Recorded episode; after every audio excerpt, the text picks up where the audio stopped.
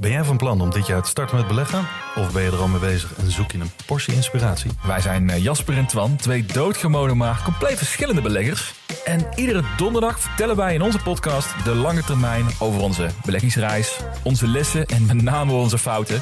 En dat allemaal op een eh, vermakelijke en een langdrempelige manier. Alsof je met ons in een kroeg staat. Met een whiskietje erbij. Lekker.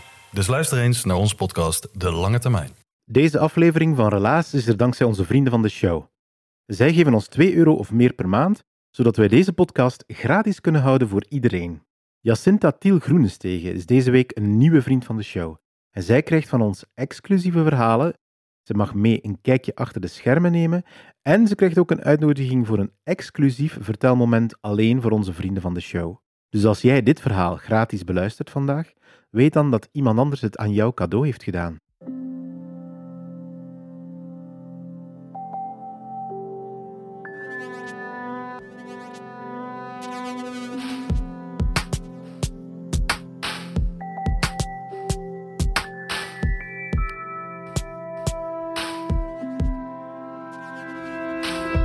Hey, ik ben Pieter van Relaas. In Relaas vertellen mensen waar gebeurde verhalen en die hebben ze allemaal zelf meegemaakt. Tijn die probeert graag van alles uit. Zijn nieuwsgierigheid brengt hem soms in situaties waarin hij niet meer alles zelf begrijpt of laten we zeggen niet meer alles zelf onder controle heeft. En dat brengt hem dan nog in absurdere situaties. Hoe gaat dat? Meestal heeft hij ze wel zelf veroorzaakt.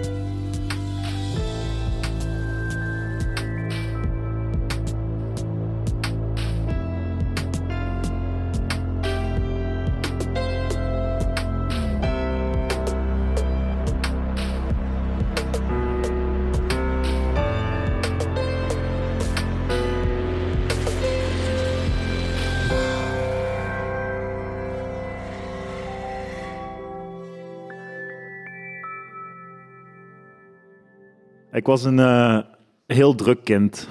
Eh, ik was eh, heel veel afgeleid altijd. Ehm, en keek heel veel uit het raam. Ehm, en thuis bij, mijn ouders mocht ik, dat, mocht ik dat doen, mocht ik dat zijn. Was allemaal geen probleem. Op school was dat iets moeilijker.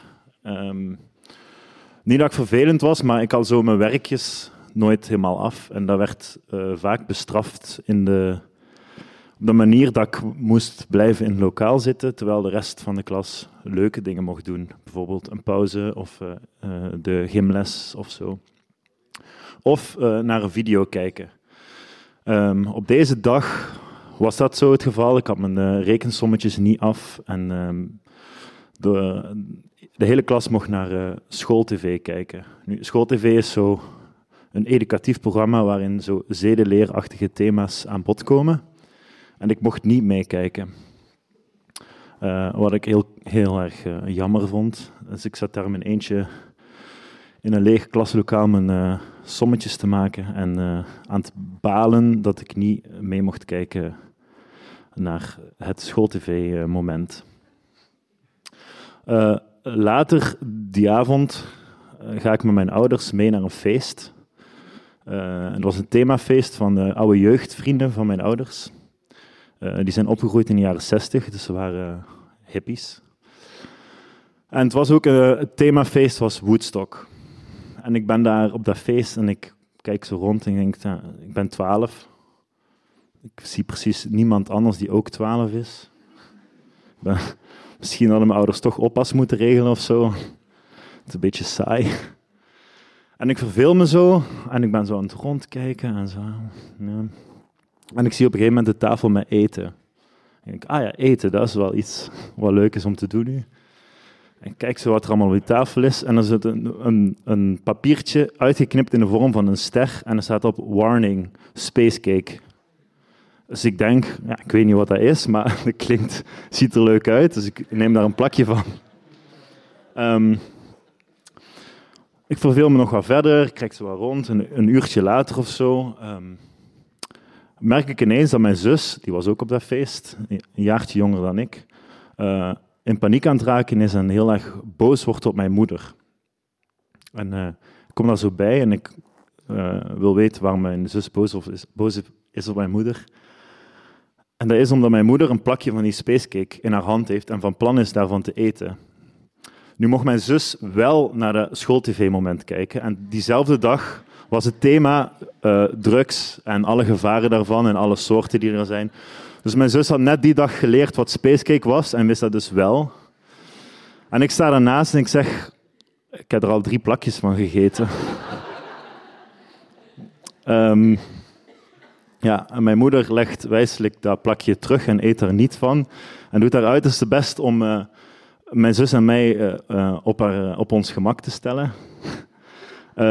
dat was niet zo moeilijk, want ik was volledig schuldbewust en bang voor de gevolgen die er nog zouden komen. En heb de hele avond stil, zonder iets te zeggen, in een zetel gezeten en voor me uitgestaard. Voor de rest weet ik niet meer echt of dat echt specifiek iets met mij gedaan. Ik heb niet echt herinneringen aan wat dat voor drugseffecten heeft gehad of zo. Dus misschien was het wel fake, maar bang was ik. Zeker. En uh, mijn moeder heeft achteraf gezegd dat ze mij nog nooit in haar leven zo rustig heeft gezien. Nu, um, zij werkte ook uh, voor de GGD, dat is in Nederland zo iets vergelijkbaar met FOD, denk ik. Um, en deed zo schoolonderzoeken en preventiedingen. Uh, en nam zo ook zo nu en dan van die um, boekjes mee. Uh, ook met informatie over uh, zedeleerthema's, drugs en seksuele voorlichting, dingen en alles.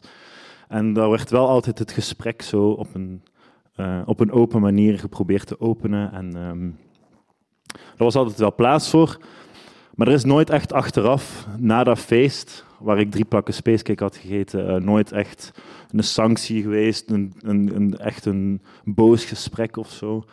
En um, ook niet dat er, dat, er verder in mijn jeugd, dat ik weet van, er stonden straffen op van als je dat ooit doet, dan dit of zo.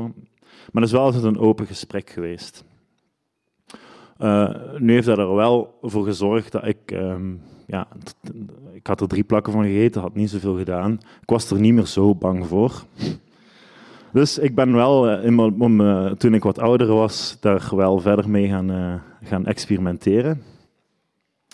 Um, en we maken even een sprongetje naar dit jaar. ik ben op een festival in Portugal en ik besluit dat het wel eens tijd is en een leuk idee om misschien eens een zegel LSD te nemen. en ja, in vergelijking met toen ik 12 was, de, was dat een totaal andere ervaring.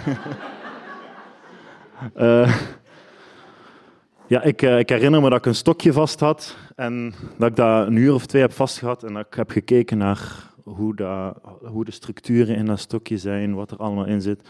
Dat ik een uur naar een boomschors heb zitten kijken en bestudeerd en alles was mooi, alles was fantastisch. Maar ik kwam ook uh, psychologisch in een heel gedachtepatroon terecht. Dat festival was de realiteit. En ik was eindelijk echt in de echte realiteit. En de wereld zoals wij die nu kennen, uh, is uiteraard de Matrix. En uh, ik wist, ik ga er uiteindelijk naar terug moeten. Ik moet me dus goed mogelijk voorbereiden om terug naar de Matrix te gaan. Uh, en ik was ook van allerlei gedachten aan het hebben over mijn familie. En ik besefte me in hoe een warm en goed zorgend gezin ik ben opgegroeid. En ik besefte, en ik ja, besefte ook dat ik dat misschien soms wel te vanzelfsprekend vind. En dat ik wat meer zorg en liefde zou moeten teruggeven in mijn familie, aan mijn familie. Maar ik was me er ook van bewust van deze gedachten maak ik nu hier in de realiteit. Straks ben ik weer terug in de matrix. Ik kan niet, ik kan niet dat daar diezelfde dat doen. Dus de enige manier waarop ik dat, dat kan veranderen, is door nu al de connectie te maken naar de matrix en nu al dat lijntje uit te, uit te werpen. Dus ik heb op dat moment mijn uiterste best gedaan om naar mijn telefoonscherm te kijken. Dat was niet makkelijk. En ik heb naar mijn broer, naar mijn zus, naar mijn vader en naar mijn moeder gestuurd. Ik hou ontzettend veel van je. Nu, ik kreeg vier totaal verschillende reacties. Uh, Mijn vader, super emotioneel. Ik krijg tranen in mijn ogen en ik wil nu in de auto stappen om je een knuffel te geven. Uh, mijn zus, uh, een wat nuchterder en neutraal. Ik hou ook erg veel van jou. Eh, mijn broer stuurde, haha, heb je drugs gebruikt?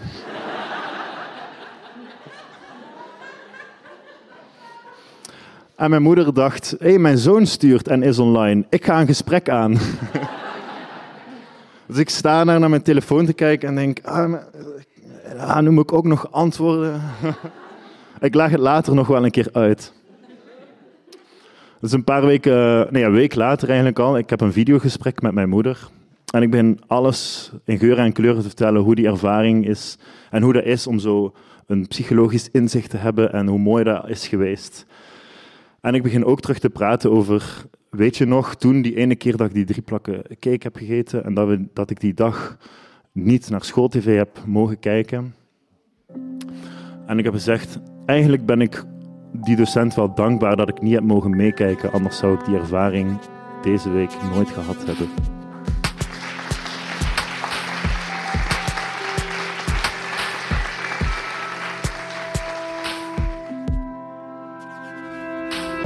Dat was het relaas van Tijn. Hij heeft het verteld in Trekhostel in Gent. Dat is zo'n hele grote hangaar vol met caravans. En dan kan je uh, daar de nacht doorbrengen. Uh, zoals een hotel eigenlijk. Hè. Alsof het zomer is in Zuid-Frankrijk. Allemaal kampeerders die dan in caravans zitten. Super absurd om te zien, maar wel fantastisch om er te zijn. Relaas bestaat dankzij de steun van de afdeling cultuur van de stad Gent en dankzij jullie, onze vrienden van de show, die elke maand 2,5 euro of meer aan ons geven. We willen heel graag verder met Relaas, maar heel eerlijk, het is financieel lastig op dit moment. En toch trekken we ons recht aan al die mooie verhalen, aan alle zalige contacten met onze vertellers en met het publiek en de uren plezier die we beleven als wij vertelavonden mee organiseren of aan onze podcast sleutelen.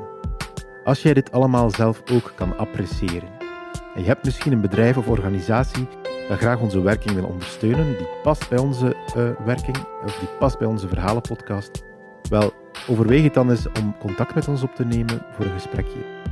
Wij kunnen zorgen voor reclame, voor banners, maar ook voor teambuildings bijvoorbeeld, of exclusieve vertelsessies. En zo kunnen wij weer verder, zo kunnen wij weer gratis elke week deze podcast maken voor onze luisteraars. Denk dus eventjes aan ons, dank u wel.